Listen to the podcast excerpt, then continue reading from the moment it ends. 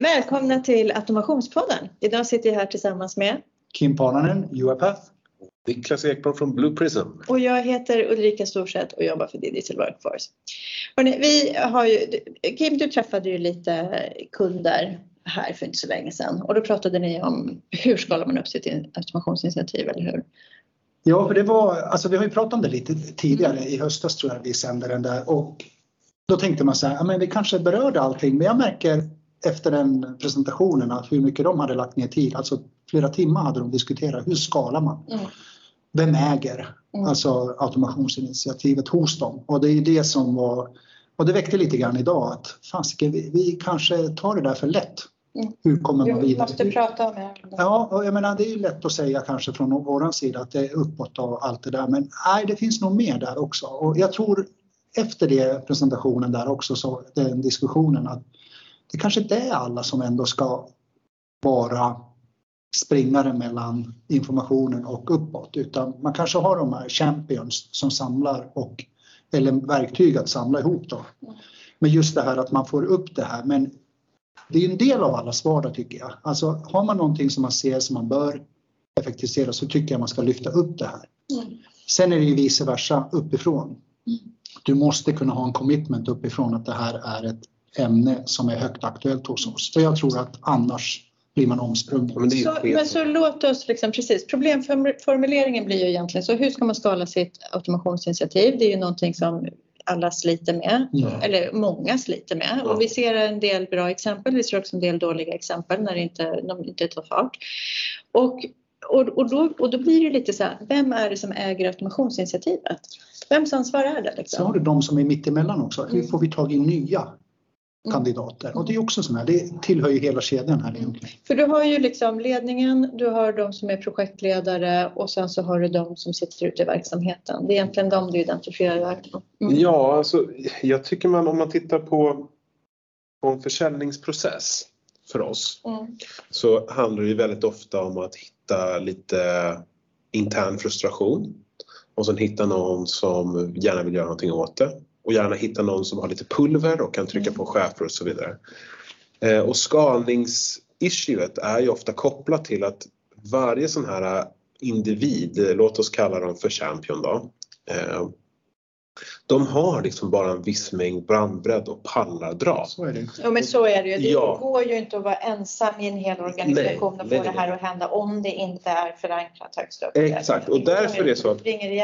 Och du sa precis vem det är som äger mm. automationsinitiativet och det är högst upp. Mm, jag håller med. Så att men om du sitter som VD där ute då får du börja tänka om. Mm. Men grejen är att det här är så tydligt för jag tycker att jag ser så här om jag tittar på mina kunder som jag jobbar med och där man ser att det här verkligen händer. Ja men då, jag har en kommun här som är superduktiga och då är det ju så här kommundirektören har gått ut och sagt vi ska automatisera det här och sen har gått ut till alla i den här kommunen och lovat att nu ska vi jobba med digitalisering och automatisering, bättre kund, medborgarservice, effektivare förvaltning, alla de här liksom som vi kan. Alltså så så att det är förankrat, det finns en tydlig liksom beslutsfattare. Det finns en budget, de har satt av många miljoner för att det här ska hända. De har byggt en automationsfabrik. De använder både Blue Prism och UiPath. De har många folk som gör det här och det finns också förväntan på att man rapporterar upp i verksamheten att man har gjort de här automationerna. Ja, men då är det så här, ja då händer det. Jo, de har ju oftast då en styrmodell hur de ska automatisera. Alltså det finns en tydlig initiativ hur den här modellen ska gå ut, vem som kommer med nya idéer och hur de skapar dem. Hela den. Mm.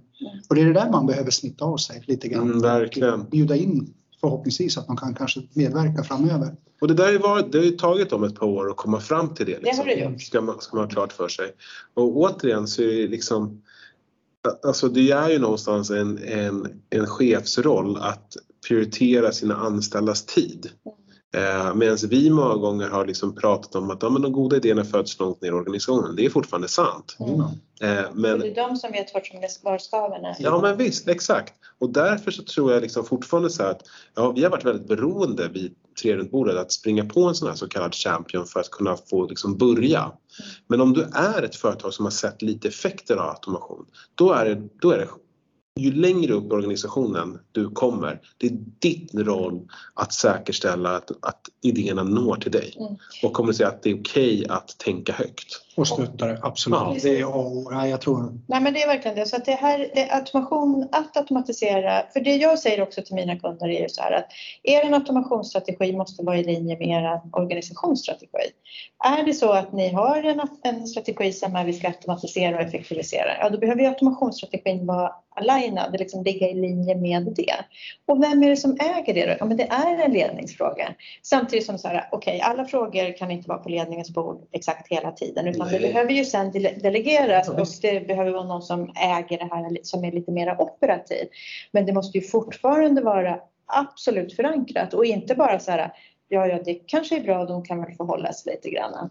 Sen tror jag varför det ibland inte flyger, det är för att man har så otroligt stora planer. Man betar inte av den där, börjar dela upp den där kakan i små bitar. Liksom. Var börjar vi som smått?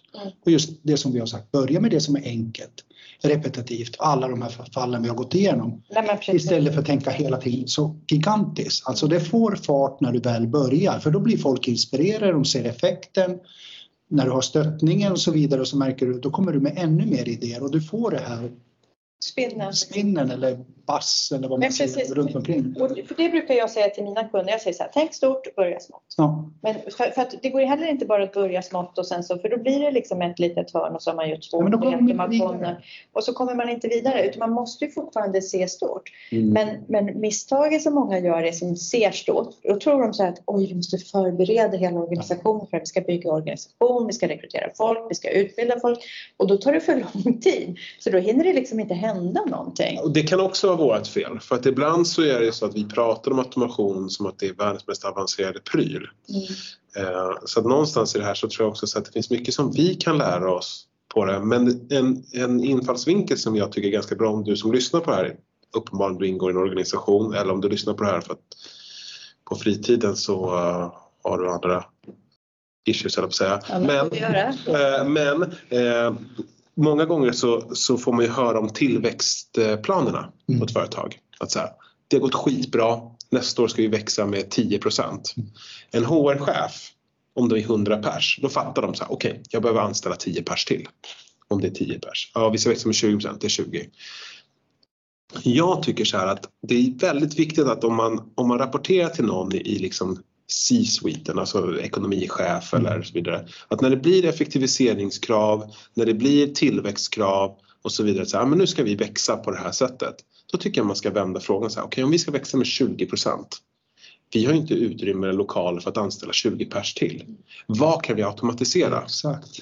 Eh, helt enkelt. Och det där föder ju ofta diskussioner när man får, får, prata med någon som är kanske säljchef eller man får prata med någon som är ekonomichef och så vidare. De klykar fan direkt och bara, åh oh, just det, Mm. Jo men automatiseringsinitiativet kan hjälpa dig att du behöver inte, alltså du ska växa med 20 procent men du kanske inte behöver anställa mer än en person egentligen ibland för att få en effektivisering om du börjar granska var, var du kan effektivisera. Ja, och det är då, precis, och det är då du som chef ju högre upp liksom så här, vad, kan vi, vad kan vi göra enklare för våra, för våra vänner och kollegor idag?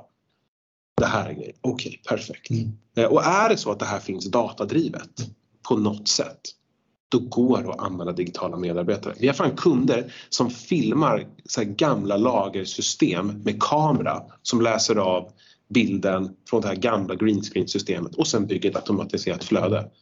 På värdeinformationen som finns. Ja, men visst. Gamla pdf allt ja, möjligt. Finns informationen, ja, finns informationen digitalt eller att den är liksom fotad på en bild eller vad fan som helst, då går det att automatisera. Exakt.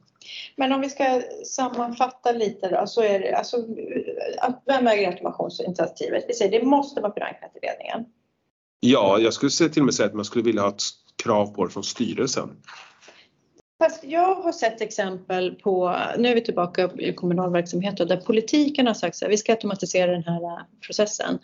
Och sen så är verksamheten bara så här, nej men det ska vi nog inte. Och så gör de allt de kan för att motarbeta det och sen går det två år och så händer det ingenting. Så att, den, så att jag tror, så att det är klart att styrelsen, men definitivt ledningen, att de måste, de måste äga frågan. Det måste finnas en budget.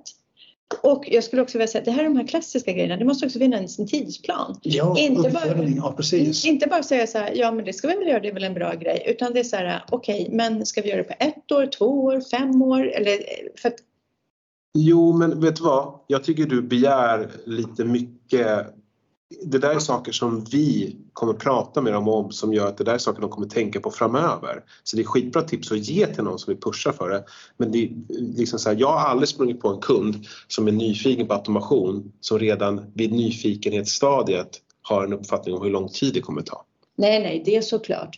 Men jag tänker att man behöver sätta upp lite mål. Ja, Inte bara så här att ja, men vi kanske ska automatisera utan då kanske man ändå sätter ett mål så att under det här året så ska vi ha tre, fem, tio automationer i drift. mm. Alltså, ja verkligen, absolut. Ja men det är Eh. rimliga mål. Alltså, jag brukar säga att vi pockar ihjäl oss i Sverige ibland. Alltså det är piloten, man har liksom, ja men det här ser bra ut. Ja och sen då? Ja, men om piloten går bra, precis fått ut det vad vi vill ha. Ja vad är, näst, alltså, vad är fem kommande processerna? Att man redan i det stadiet bygger planerar, pipeline. bygger pipeline. Att man inte stannar där för det blir så otroligt glapp därifrån till att det, det tar nästan ett till två år i vissa kunder att de växer vidare för att det, man är så nöjd med det där första men under den tiden, bygg vidare. Herregud, det finns så mycket att göra. Och jag menar vi, våra kära barn, vården. Oh, Mm, det får vi ta en egen, men det är också sådär när jag ser att man anställer 40% tjänstemän anställda liksom inom regionerna. Ja, hur- Någonting är helt galet. Ja. Eh, Någonting är helt, helt galet. Ja visst, absolut. Ja, Verkligen. Och hur mycket tid och pengar som läggs på att slussa information manuellt. ja, jag kommer säkert få sparken från min region men jag får åka till, jag vet inte. Du får till en annan region. Ja, tillhör andra. Ja, de är duktiga. Vi har ju många kunder, vi har ju kunder där som har kommit långt. Men eh, hörni, vad säger vi då? Vem äger automationsinitiativet? Vi säger att ledningen äger det. Nej, jag tycker fan alla är det. Alla, det är en del av alla alla är en del av ansvariga av gemensam verksamhet. För det är ju så, har du en operationsmodell vilka som äger den så är det alla de här bitarna som är, sen Alla är- det stöttande funktioner. Men att alla äger det. Ja, men sitter, du i en, sitter du i en process som går knackigt, då äger du faktiskt ansvaret att rapportera att den går knackigt. Och sitter du som mellanchef och får rapport om att den här processen går knackigt, då äger du ansvaret att rapportera det ännu högre upp. Och sitter du och får rapporten om att den här processen går knackigt, då är det ditt jobb att se till att det tas tag i. Jag skulle vilja göra sån här, vad kallas det när man gör en sån här eh, fråga? Ja. Nej men när man ställer ut, hade vi varit live i Ja, en en Teams, ja sån här poll. Ja, en poll. Ja, Jag skulle vilja att folk hörde av sig som sitter och lyssnar nu. Vad är det som stoppar er för att inte gå vidare? Vet du vad jag tror? Kan inte de mejla det till oss? Vet du vad jag tror? Apropå det där att rapportera vidare, för det är klart att det är lätt för oss att sitta och säga, men du vet, då sitter de här människorna och har gjort den där processen i 20 år Ja. och så tycker de att ja, ja, nej, men det är som det är. Mm. Och sen så skickar de och alla vet att det är lite så här, ja, ja, så här. Och sen så kommer det någon sån här äh, Ulrika, Kim, Niklas äh, och sitter i en workshop med dem och säger så här, nu ska vi automatisera. Och då känner de bara så här, men vad ska jag göra? Ja, men det händer nog hela tiden. Men om inte, om ni skickar in till oss, det här får jag stopp för. Det här kan inte jag ta upp på grund av. Vi kommer inte säga vilket bolag, vilka namn det är. Men jag skulle vilja gärna veta vad är det som... Ja, för vi är från säljsidan, men jag skulle vilja höra av er från kundsidan. Vad är det för hinder ni har framför er? Mm. Vad är det som vi-. Ja, Mm. snälla ta kontakt med oss. Ja, vad är det som eh, hindrar er? Ta kontakt, du säger det så här. Ulrika, du kommer ju säkert dela den här, det här avsnittet på LinkedIn. Eh, Det kan jag göra. Ja. Och då går ni in på Ulrika Storsets LinkedIn och så kommenterar ni. Eh, nej, det blir en skitdum idé. Nej, för det var, man måste skicka med den. På något Ja. sätt, alltså. Alltså, men hör av er. Ja, Ja, ni Ni känner kanske... känner oss. Ja. Kom igen, hör av er. Vad är det som stoppar? Ni kan skicka, ni kan skicka anonyma mejl från era Gmail och Hotmail-adresser. Och jag lovar, Niklas och jag skickar en liten tackpresent som är under skattereglerna. Så initiativ. nu, är du ute på djupt. Ja, Nej då, Niklas fixar det. jag lovar ingenting. Jag är från förorten, jag är van att styra upp. Hörrni, Lagkapslar till en BMW. vem äger initiativ, initiativet och vad är det som stoppar? Hör av er. Gärna. Tack för idag. Tack. Hej, hej.